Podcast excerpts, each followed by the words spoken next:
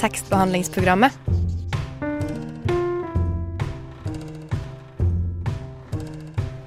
Tekstbehandling på radio.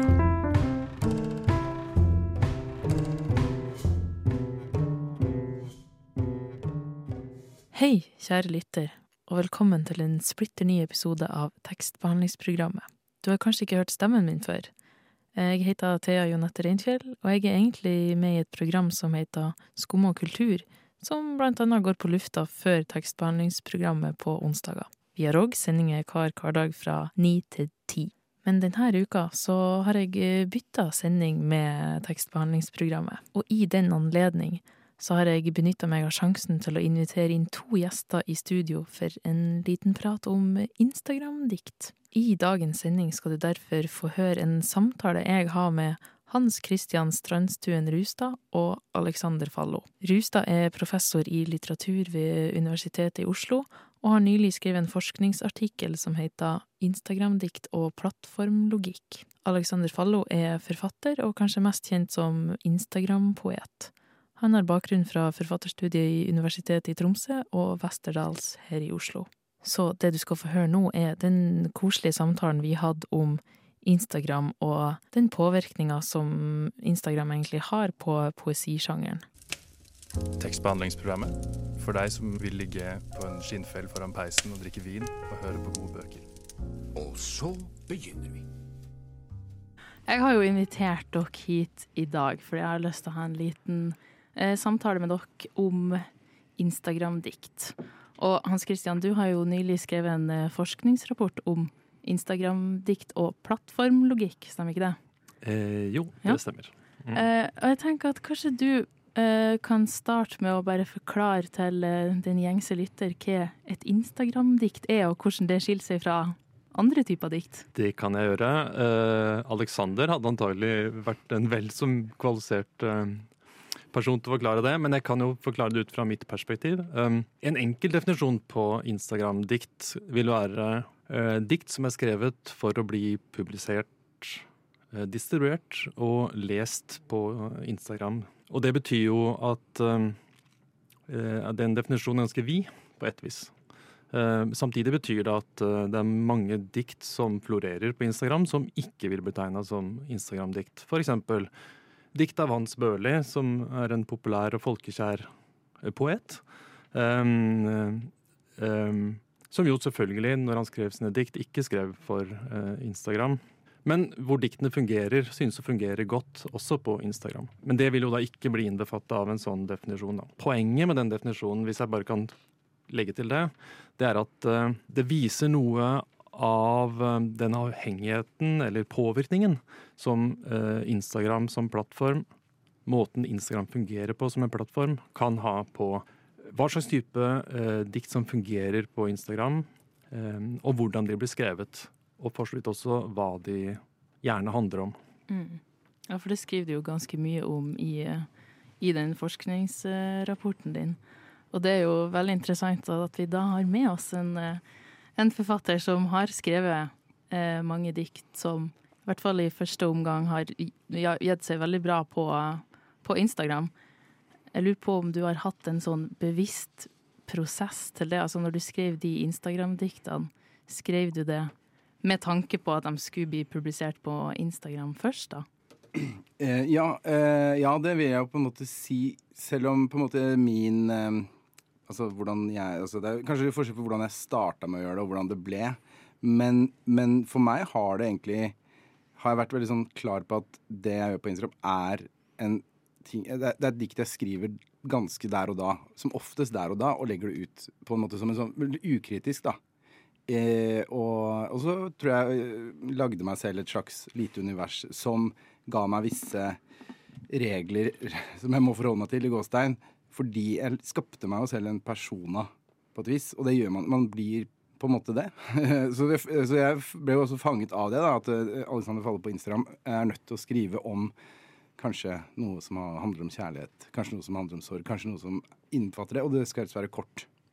Eh, fordi ellers så faller folk fra.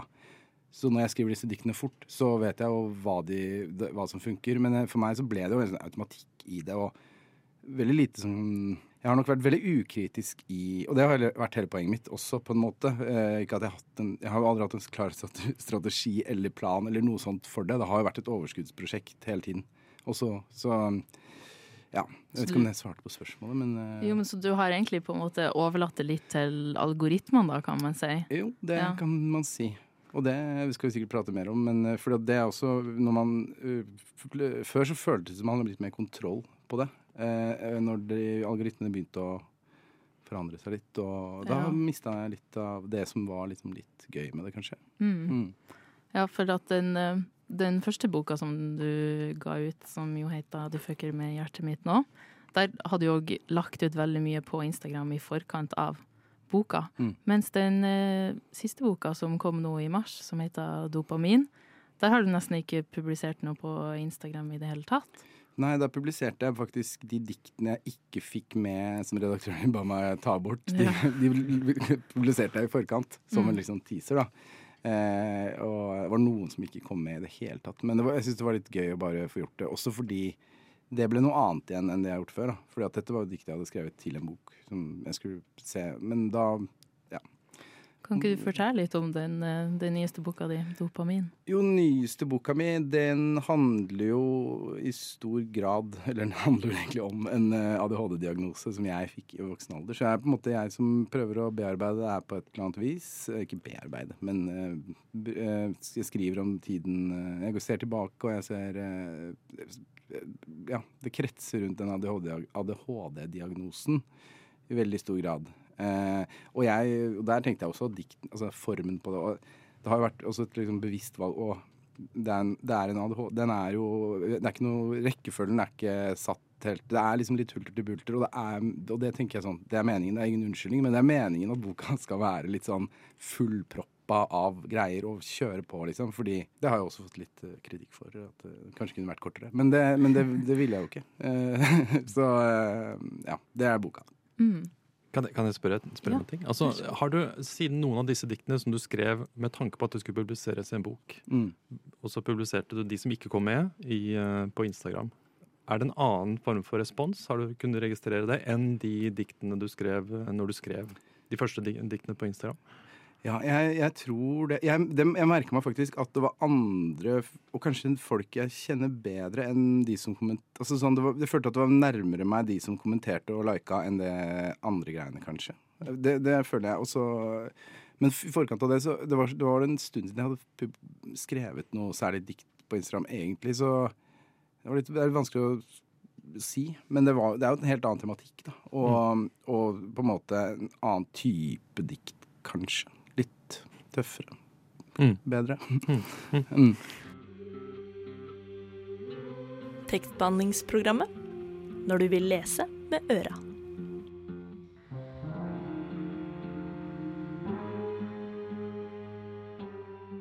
Eh, For du har jo eh, lest et eh, intervju av deg i, i UiO, eller på UiO sine nettsider, eh, der du sa at eh, Instagram-dikta gir liksom eh, lite form for eksperimentering med tema og innhold.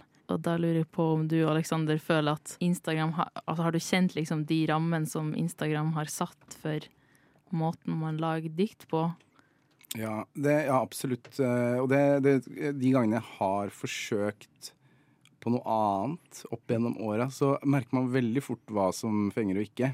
Og, det er, og jeg liker å tenke at jeg har full At jeg, det er jeg som velger. Men jeg, altså, jeg blir jo påvirka. Jeg har blitt påvirka av at Å nei, det er ikke det her. Det er ikke det her. Det, er, det, må, være, det må være kort, liksom. Og det skal jo helst Det skal liksom sitte sånn litt med en gang. Det skal være litt snert i det. og pop, poppete, liksom. Eh, og eh, og er, jeg er jo ikke, så, er ikke sånn kjempebevandra i hva alle andre Instagram-poeter gjør, men jeg får jo opp en del, og jeg ser jo hva som rører seg på et vis. Og så, ja. Eh, men, jeg, men jeg har nok Det er jo veldig mye eh, Og det tror jeg kanskje handler litt om det der med at folk på Instagram, sånn selvopptatt medie, i hvert fall i starten, selvopptatt medie kaldt og digitalt. Altså at det med liksom litt varme og litt sånn du får inn litt inderlighet inni der, at det, bare, at det er noe som treffer litt. Jeg tror det er det som er liksom suksessoppskriften til, til alle disse mer eller mindre Altså dikt og dikt, det er jo ikke alt som er det heller. Altså, det er jo, vi kan jo være ærlige om det, at det er liksom Det er en egen sjanger, eh, hvis man kan kalle det det. Og så er det noen som er bedre i den sjangeren enn andre. Akkurat som i all annen poesi, kanskje. Um, jeg vet ikke hvordan det kommer til å utvikle seg, om det blir veldig mye altså Instagram-poesi fremover, eller om det kommer til å flytte seg over til noen andre flater. Men, men så er det jo egentlig publikum som bestemmer da, hvem som er best. eller hvem som har mest følgere, liksom. Og det kan jo være den dårligste. På, I hvert fall i, hvis, på en måte, hvis noen med litt uh, skarpe litteraturkritikerøyne f.eks. ser på det. Liksom. Mm. Da er det jo folket bestemmer. Ja. ja, Det er jo interessant, det der, fordi på den ene siden så vil eh, de aller fleste vil jo ha mange eh, lesere. Det må litt av poenget med å skrive dikt på Instagram, at man skal nå ut til mange. Um, eh, og det gjør jo at man jo også vil velge å kanskje skrive på en måte eh, med en tematikk som, som eh, når ut til mange. Da, ikke sant? Altså, og hvis det er et dikt som ikke funker, så tenker man ok, da må jeg kanskje legge om. Eh, det vil være, en naturlig eh, strategi, vil jeg tenke. Men, og da kommer man jo opp i det, det som handler om eksperimentering. Da, altså at eh, den som skriver, poeten, kan jo være ønske å eksperimentere, men Instagram som plattform, som jo er en plattform som skal brukes til veldig mange ting, men hvis kanskje hovedhensikt eh, har å koble mange mennesker sammen med andre mennesker, og ikke minst eh, maskiner sammen med maskiner, da er det eh, også en plattform som i liten grad åpner opp for si, poetisk eller litterær eller estetisk eksperimentering, selv om det finnes et visst mangfold, selvfølgelig. Men man ser jo liksom det at det, det som fungerer, det er noen bestemte måter å skrive på. Um, og da kommer jo det spørsmålet som er ganske interessant, da, altså det med kvalitet. Det er ikke bare interessant, men det er jo himla vanskelig å diskutere. Um, uh, men jeg har jo følelsen av at eh, Nå er jeg på ingen måte en Instagram-diktekspert. Det finnes så mange der ute som kan mye mer om det der. Den tittelen er ledig. Men, men eh, da jeg begynte å kikke på, da jeg ble interessert i å se på dette fenomenet også, som, som poesiforsker så er det jo selvfølgelig tenker jeg at det er en plikt til også å se på en, en, en sjanger som har når ut og fått så mye oppmerksomhet som det Instagram-dikt har fått.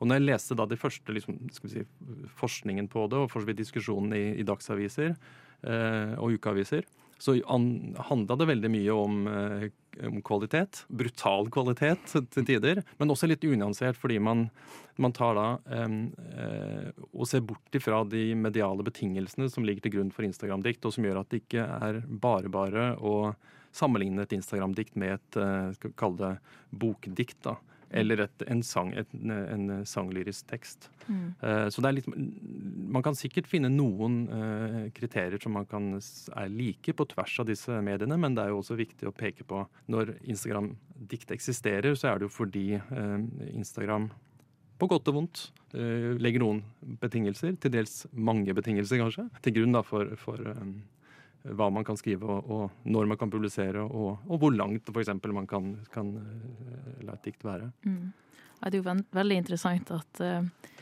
altså, alle de nye digitale mediene som dukker opp, de påvirker jo selvfølgelig hvordan vi forholder oss til andre ting som litteratur og lyrikk, og jeg syns det er veldig interessant. Men så tenker jeg òg at uh, at måten de her Instagram-diktene er utforma på, som er jo liksom eh, ganske kort, gjør jo at man kanskje overlater ganske mye til leseren om å legge mye fortolkning i det sjøl. I hvert fall sånn føler jeg det om det, da, at her kan du velge å legge ganske mye inn, det for å, inn i diktet da, for å eh, ja, fortolke det dit som du vil. Og da lurer jeg litt på om eh, hvordan har den reisen vært for deg? Føler du at du har lagt eh, mye inn i de korte diktene, eller i de lange diktene, eller har det vært litt sånn Jeg tror det er litt eh, For eksempel et kort dikt kan jo være noe jeg bare kommer på, eller, eller noen som snakker om noe på eh, bussen på en måte bak meg. Eh, Men, men jeg har hele tiden også tenkt, eller ikke hele tiden, men etter hvert også sett liksom, at disse diktene snakker, i hvert fall i feeden min, at de snakker litt sammen, på en måte, og at de som er innforstått med min, mitt lille univers her, de kan prøve å koble disse tingene litt sammen, på en måte. Eh, Det er i hvert fall det jeg har tenkt, at disse kort, veldig korte setningene liksom, kan også hektes på noe annet der. Um, mer eller mindre bevisst uh, har jeg jobbet sånn, men um, men jeg har også tenkt, og det har jeg hørt, at, at folk føler at dette her er, liksom, det er en hel samtale, så er det tatt ut noe. Så må man fylle inn det andre. Og, og, så, ja, så det er poesi, det er dikt. Men så, så er jeg litt usikker på om jeg, hvordan jeg forholder meg til det. For at, om det er poesi som poesi, eller om det bare er på en måte en tekstproduksjon, en, en kunstnerisk tekstproduksjon på en eller annen måte som ikke er, ikke er noe annet. En annen sjanger, eller det er en sjanger som mangler, da. Eller det er mange eksempler i litteraturhistorien også på korte ting og ting som kanskje um, også selvfølgelig funker i bok, men, men så er man jo også farget av alle bildene rundt, og feeden til andre, og alle forskjellige typer Alle har jo forskjellige typer feed også. Um, og tidligere var jeg også opptatt av tidspunkt, eksempel. Det kunne vært gøy å legge ut halv tre på natta, legge ut noe da. Da var det jo også en slags Da spilte jeg jo på en måte åpenbart med på en eller annen Det er lørdag kveld-greie, eller, eller søndag morgen. Ja. Mens etter hvert også så ble det jo vanskeligere å styre det selv fordi de dukker ikke opp i real time lenger. Og da, var, jo- da mister man jo kontrollen helt, på en måte. Ja. Og det er sant, jeg føler at Man må jo lese det ut ifra en kontekst. Det er Ja. egentlig ganske viktig, for jeg scrolla meg gjennom feeden din, og så trykte jeg inn på et dikt som jeg òg har sett folk liksom tatt ut av kontekst tidligere, eh, som er ganske kort og godt. Det står ko-ko-ko, eh, ro-ro-ro, na-na-na-na-na. Og så hvis du ikke ser på datoen når det er publisert, så er det jo det, det, det var. 12. mars 2020, ikke sant? Det var den dagen eh, samfunnet stengte ned, det var da koronaen kom. Så det er jo et, men hvis du bare leser det ut av kontekst, så kan det jo se ut som en liten sang eller ikke sant? en ko-ko-koro. Det var i hvert fall den jeg begynte å nynne på først når jeg leste diktet. Og det er jo egentlig veldig interessant at du må, du, ja, du må lese alt ut ifra en kontekst når det ble publisert, og hva som kommer før og kanskje etter det, i, i hvert fall i en Instagram-feed. Når det er noe som skjer Jeg tenker at Der var jo Instagram også gøyal, når det er de der, den dato, altså korona Mm. eh, eller, eller at Sylvi Listhaug hopper ut i sjøen i, i sånn, altså sånn Det å kunne Det husker jeg bare var en sånn Det var kult å kunne være der akkurat liksom n- Når det skjedde, så kom det noe ut. Men jeg fikk jo her om eh, da, for noen uker siden, ikke for noen uker siden, det er en stund siden, men da var det noe som fores, liksom, forespørsel om kan du ikke skrive et dikt om kvinnene i Syria, på en måte, og de og, da, og det er jo også sånn, men det er, det er også vanskelig å få en sånn rolle som en sånn person som skal, Hva er det jeg skal si om det? Jeg, ja, jeg kan hylle dem, men skal jeg, skrive et, skal jeg skrive et dårlig dikt om det? på en måte? Eller hva, det, det fortjener de ikke. De fortjener noe bedre. Eller sånn, Hvis du skjønner hva jeg mener? Uh, det, ja. Mm. Men lyrikken har jo også alltid vært uh, skal vi si, politisk. Ikke sant? Altså, um, um, og det er vel en grunn til at den er uh, en viktig, fortsatt en viktig dikt, uh, diktform. Du kan jo velge å ikke skrive dårlig dikt, men du kan jo skrive- godt dikt, kan du ikke det? I stedet? Men da, vil jeg, da kan jeg ikke gjøre det med en gang. Da må jeg bruke litt, tid- litt tid på det. Men jeg skulle gjerne skrevet det diktet, selvfølgelig. Ja. Men, men, men mye av den politiske diktningen er jo selvfølgelig ikke Den kan man ikke vente med, for da går saken over. holdt jeg på å si, og så, så hvis man vil være med, så er jo det også selvfølgelig noe en, Mm. en poet også må Det skal sies at jeg skrev det diktet også, men jeg sendte det, jeg sendte det bare til den personen. Jeg var liksom, eh, så jeg gjorde det. Så. Eh, det har vært lite, mye hjertesmerte, lite politikk. Men der er det jo enda åpent. Det er åpent da. Hvis man hadde tenkt en mer politisk Instagram-poesi, der hadde man kanskje Det kunne, kunne kanskje vært noe, faktisk. Ja. Eh, I større det. grad, liksom. Så hvis det er noen der ute Ja, det var akkurat det jeg har tegnet seg. Hvis det er noen der ute som vil kape den Ja, ja, stillinga, så Den er åpen. Den er åpen. Du lytter til tekstbehandlingsprogrammet Radio Novas smarteste program. Dere snakker mye om eh, både poesi og dikt og lyrikk om hverandre, men har du noe klare, tydelige skiller, eller går de ordene, sjangrene, litt sånn inn i hverandre? I, i fag, faglitteraturen Ja. så, så er de klart atskilt, Ja. egentlig. Ja. Altså i, i hverdagsspråket, og for så vidt når man eh, litteraturkritiker, og for så vidt i undervisningen også, kanskje, og inkludert meg sjøl, så går nok lyrikk og poesi litt eh, Brukes de litt sånn synonymt. Men eh, sånn egentlig så kan man si at dikt, diktet er selve skal vi si, teksten. Um, mens um, uh, lyrikk er eh, kunstarten, da. Um, eh, fra da liksom som, som, som, som eh, eh, alle sikkert vet, altså fra ins strengeinstrumentet lyre. Liksom. Så det har en veldig sånn musikalitet uh, som liksom iboende i seg. Uh, mens poesi er eh, Den kan defineres på mange måter, men det handler gjerne om eh, språklige kvaliteter, da. På tvers av eh, sjangere og, og diktarter. Fint å få det avklart. Er Lytteren som lurer, inkludert meg, som er litt sånn uh, ny, ny til uh, den poetiske sjangeren. Tekstbehandlingsprogrammet. Tekstbehandling på radio. Ja, altså, det er jo, Siden Alexander også spiller opp det med altså, de litterære sjangerne i det hele tatt, og litteraturhistorien som er full av uh, ulike litterære uttrykk, kort og lange, så det klart, det er jo en sjanger som heter brukslyrikk og leilighetsdikt, som, som kanskje er den type uh, sjanger da, som, som Instagram-dikt uh, er nærmest. Altså Der det handler om å, å skrive dikt eller korte tekster, aforismer, visdomsord som som på en måte kan brukes mer eller mindre der og da, eller i en bestemt politisk for eksempel, sammenheng, om det er nedstengningen 12. mars, eller om det måtte være pride-markering, eller, eller andre viktige eh, datoer.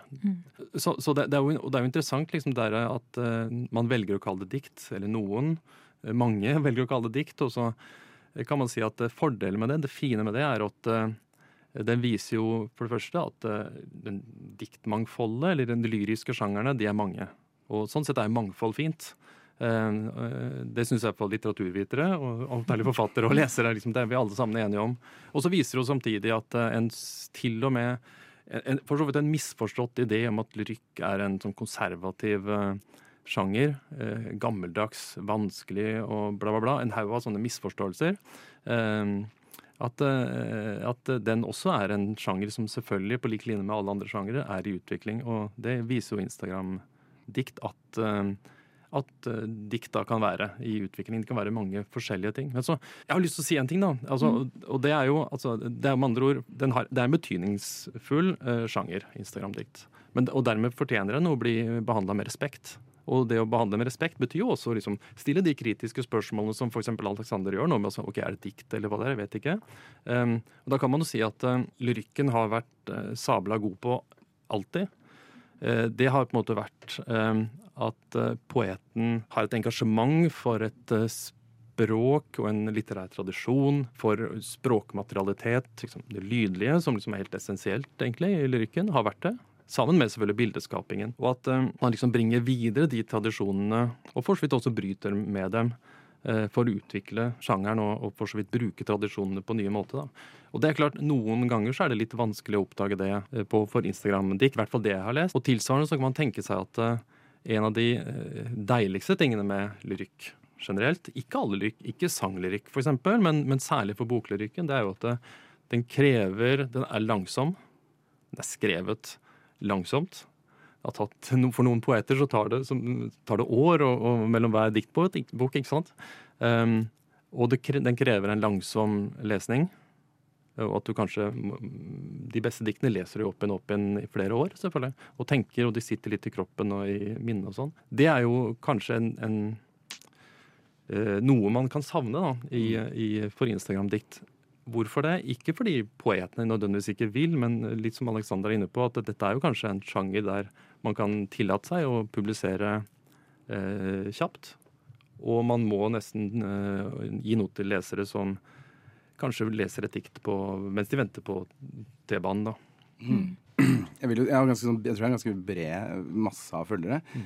Hvor, hvor jeg sikkert mange av de At dette er litteraturen de får inn i livet. Sånn, det er det, det er det her de leser. Eh, og det er jo også Det tenker jeg Det har jeg tenkt i hvert fall mye på. Hver gang jeg får noen unge mennesker inn i innboksen som spør om tips og osv., og, så videre, og jeg går inn på profilen deres, og det er ganske åpenbart at de forholder seg til andre Instagram-poeter på en måte og har lyst til å skrive, da er jo mitt første råd les alt annet enn det. Fordi det er jo veldig mange der ute som jeg ikke tror har så veldig, egentlig så veldig stor kjennskap til poesi i det hele tatt, som publiserer poesi på Instagram. Og det er også ikke med på å hjelpe denne sjangeren, da. Eh, fordi i alle andre litterære sjangere så er det på en måte et krav at du faktisk har lest litt ofte. Eller så det, så, så det, er jo, det, er jo, kanskje det jeg også kjempa mot, litt med den stempelet. Eh, med sånn, å ha hengende over seg en sånn Instagram-merkelapp hele tiden når man eh, Jeg er ikke en, når jeg også liksom, jeg er ikke en del jeg, jeg, eller sånn man vil ikke, man vil ikke bli oppfatta som helt totalt liksom uskolert, liksom. Og det Men samtidig så står jeg jo godt i det. Altså, jeg, jeg er her og jeg, jeg er der. Jeg er her og der. Men, og, det, og det er greit. Og jeg, jeg tenker at det, det, det tåler jeg, og det tenker jeg at mitt forfatterskap tåler. Og jeg skal holde på lenge. Skal, det, det går bra, på en måte. Og så har Instagram gitt meg mye liksom, Det er mange Åpna opp noen dører her og noen dører der, og det er liksom Det er en annen Det er jo ikke sånn poesien Den er langsom, og den er sånn og sånn, og så er det gøy å liksom røske litt opp, og så kanskje få noen andre inn, og sånn. Og så er jo en poesi er ikke nødvendigvis All poesi er jo ikke for alle, liksom. Det er, eller all, alle romaner er jo ikke for alle, de heller. Men uh, det hadde vært veldig bra hvis liksom nivået ble, var At det ble en At det var en sjanger som ble tatt seriøst, eller som ble av de som skrev òg. For jeg har ikke jeg, sånn med følgere og sånn, så har ikke jeg vært så Jeg har sånn, jeg hørte på Wolfgang VR om dagen, han snakka om å monetize, monetize på ting og sånn. Jeg, altså, jeg har jo ikke tjent en krone omtrent på disse følgerne mine. Eller sånn, jeg har sikkert solgt flere bøker på grunn av de. Eh, men, men, sånn, men det er jo noe med å, når du har masse følgere, du vil jo beholde de. Det er jo bare kanskje menneskelig. Og bare når du først har en, en flokk som bare så, så vil man ta vare på det på en, av en eller annen grunn. Um, Ja, men Du sa noe som er interessant, hvis jeg bare kan, kan følge opp det med altså, det, det er jo ikke nødvendigvis skal vi si, altså Det er ikke nødvendigvis poeten det er noe galt med, men det er noe med, det er det som er litt av poenget med den artikkelen jeg har skrevet. da, altså At det er, eh, mediet setter noen, virkelig noen strenge begrensninger. Eh, hvis du skal nå ut, da. Eh, og at det er mer enn en søster, en bror og mor og far og tre naboer som skal lese diktene. Eh, så det er, jo, det er kanskje det å være bevisst på at uh, medieplattformen gjør ganske mange ting. Eh, og vi er klar over selvfølgelig veldig mye av hva de, disse medieplattformene gjør. da. Men, men uh, en av de tingene de gjør, er jo at du skriver annerledes når du skriver en bok. Eller dikt til bøker, enn du f.eks. gjør når du da skriver Instagram-dikt, som du begynte med å fortelle.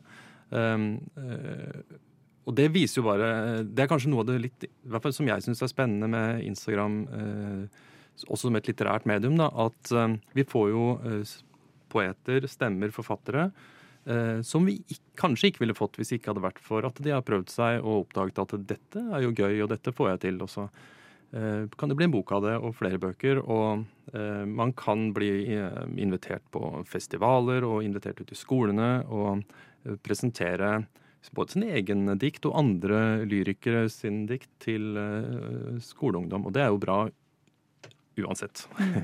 Ja, altså jeg føler jo det er veldig prega av eh, samtida og det mediet som det er satt i. Både det at, som du sier, alle som vil kan på en måte være med og delta, uansett om de har faglig bakgrunn i å skrive eller ikke. Eh, og det er jo på en måte både med å, å styrke og svekke sjangeren på, på ett vis, da. Det er jo det. Radio nå. Jeg arbeider med nordisk litteratur og har er lyrikk som et av mine felter som jeg forsker på og underviser i. Og så eh, underviser jeg og forsker på forhold mellom litteratur og medier liksom i, i litt forskjellige relasjoner. Da. Det er liksom de to tingene som jeg i særlig grad eh, er eh, opptatt av. Når det gjelder sanglyrikk, så er ikke den noe jeg kan mye om, men, men det er litt viktig å nevne sanglyrikken, fordi man har den ideen som jeg nevnte i sted også, den stereotype ideen om at eh, lyrikk er så vanskelig.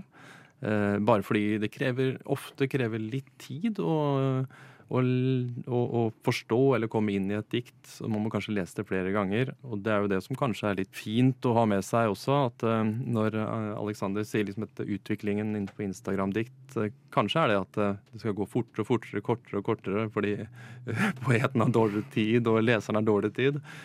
Så er det jo jeg håper å si, dødsviktig at vi har en eh, diktart som eh, både kanskje krever og, og tvinger fram en langsom lesning. At vi må tenke Ikke forstå alt med en gang, men sette oss ned og tenke og kjenne på både teksten og meningen og de følelsene som eh, et godt dikt liksom bringer fram. Da.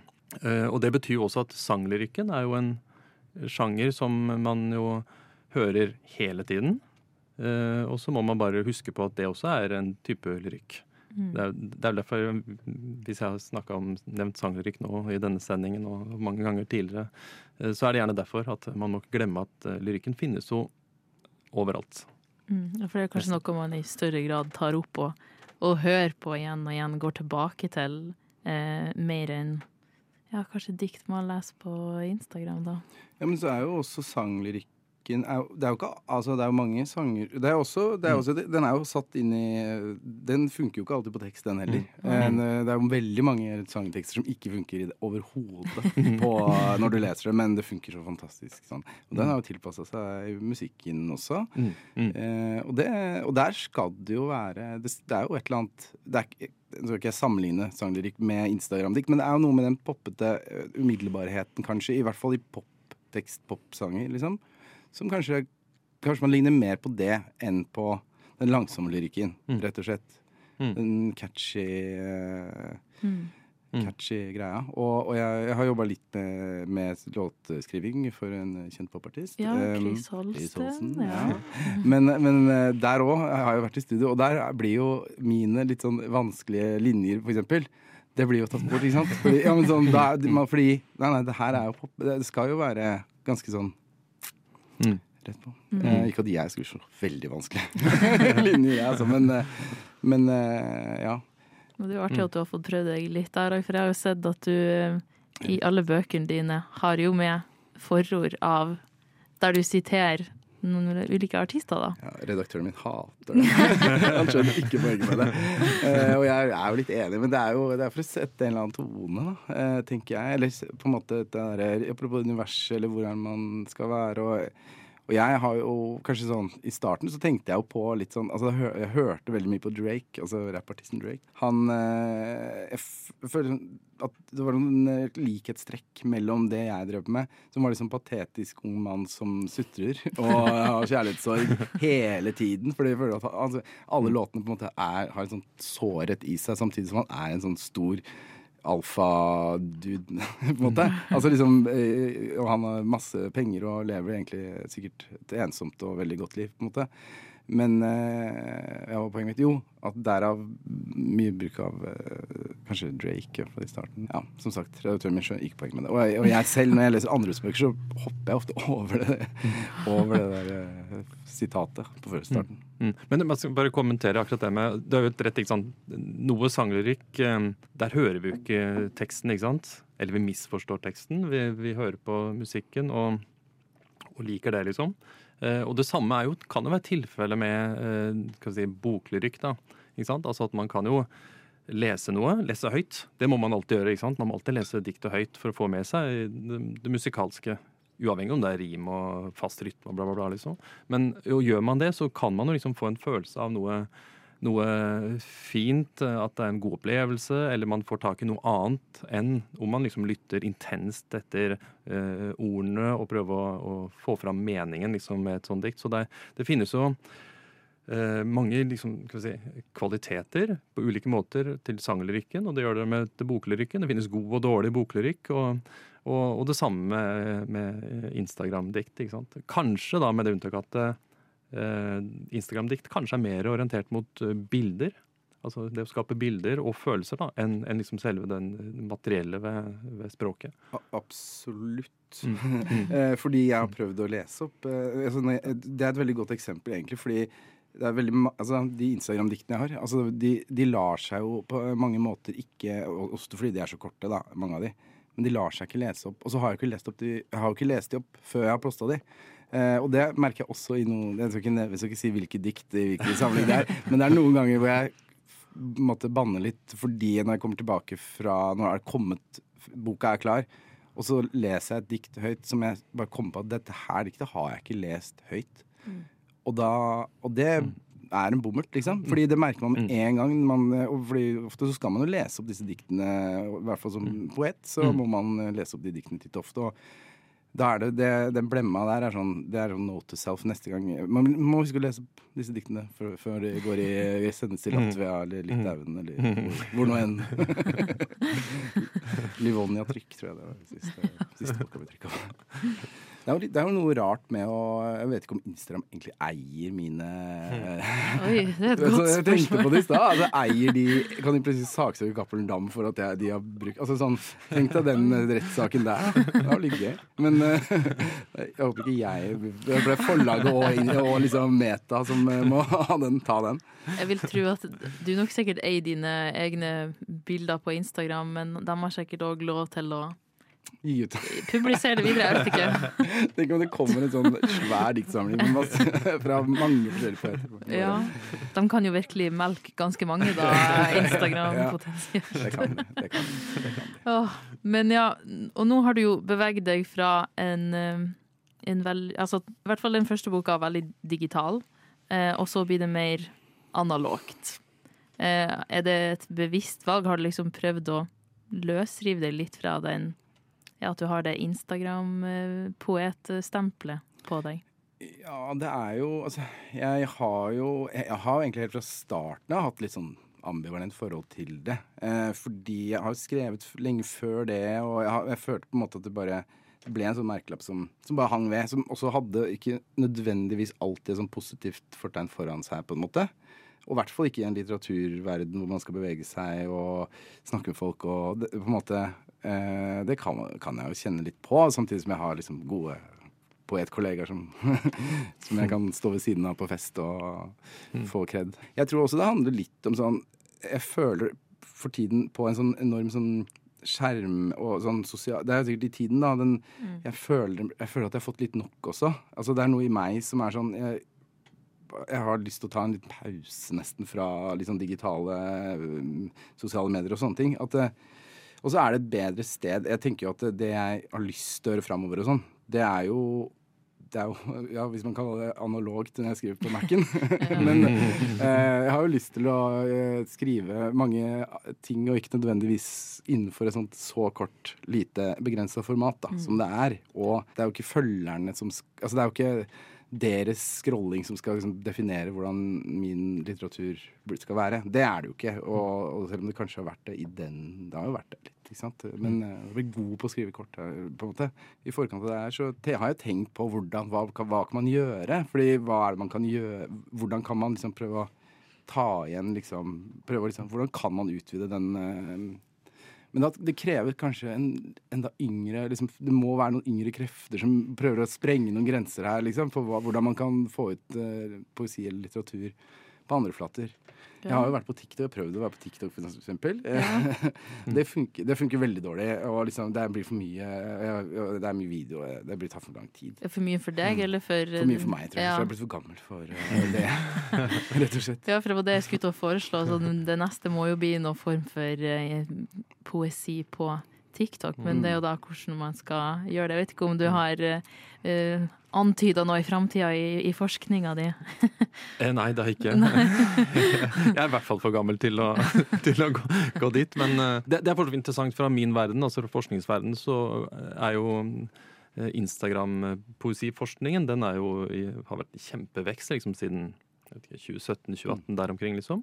Eh, og de som holder på med den forskningen med doktorgradsprosjekter og sånne ting, de ser jo på disse ulike sosiale medieplattformene, også TikTok, som liksom et sted for hvor det, hvor det publiseres poesi. Men det kan jeg jo ingenting om. Men, men det er jo interessant altså, at det undersøkes, og ikke minst med tanke på en slags idé om en slags medieøkologi, der du er et eksempel på det. ikke sant? Altså at eh, eh, man skriver ikke på én eh, flate, ett medium, men man skriver i mange mange medier, og lyrikken har alltid vært veldig god på det. ikke sant? Også at Den har vært sangbar. Veldig mye lyrikk har alltid vært sangbar. Den leses opp på scenen mer enn noen gang. ikke sant? Og på diktopplesninger. Og den finnes i ganske mange sosiale medieplattformer også, men spesielt på Instagram. da, Og, og selvfølgelig i bok og andre mer analoge medier. Mm. Veldig spennende. Så jeg ser for meg kanskje noe slam-poesi-type Mm. framføring på TikTok. Kanskje Ja, det. ja, men jeg prøvde å lese faktisk litt opp Ja. på, på, Gjøre det på, på en måte. Men da, men da blir man Da må man jo ikke sant, Da må man være i bildet, og man må lese. Det blir en helt A. Det blir en, en på en måte det tar, det tar tid, og det krever en del å liksom måtte se og filme seg selv hele tiden. Mm. det, er, det er på en måte veldig Det er, det er jo det, mot, det er jo motsatt av hva man egentlig gjør. Eller man er vendt vekk fra eh, skjermen. Jeg har alltid liksom syntes at det har vært litt interessant med mm, poesi på internett og de greiene der, har, er jo alltid vært litt sånn eh, Det har jo vært der siden internetts spede start. Så det er jo, jeg syns det er interessant med litter at litteratur kan forholde seg til eh, at man kan gå inn i, i digitale verdener og sånn. Og så kan man jo Før var det kanskje også interessant bare det at man var At man i det hele tatt på en måte forholdt seg til det. Men så kanskje man begynte å bli en del av det. Og er det plass til altså På Instagram i starten så var det på en måte plass til eh, disse korte tekstene på et vis. Og så kanskje mer og mer ble det litt mer sånn Det ble enda kjappere, enda kortere. Folk fikk enda kortere tid. Så, og så kommer TikTok-generasjonen, som har enda kortere tid igjen. Og hvor det er liksom Men kanskje det går tilbake igjen. Jeg vet ikke. Men ja, poenget mitt var egentlig i starten så var jo Instagram et godt medie for å legge ut en liten tekst, eh, et tekstbilde også. Eh, og ble kanskje litt sånn pusterom da, i, i en feed. Og så mm, at det, kanskje det, med, det er mer en forklaring på kanskje hvorfor det er blitt populært. Nei, men da avslutter vi med å si eh, tusen takk til deg, Hans Christian Rustad, for at du kunne stille opp i dag. Takk for at jeg fikk komme. Ja, og tusen takk til deg, Alexander Fallo. Takk for at jeg fikk komme. Da har du nettopp fått hørt en samtale mellom meg, Thea Jonette Reinkjell, og professor Hans Christian Strandstuen Rustad, og forfatter Alexander Fallo om Instagram-dikt. Du kan også snart få høre denne sendinga som en podkast i din prefererte podkast-app. Tekstbehandlingsprogrammet er tilbake igjen neste onsdag fra klokka ti til klokka elleve. Og hvis du vil høre mer av den stemmen her, så kan du skru på Radio Nova hver hverdag mellom ni til ti og høre på Skumma kultur. Takk for meg.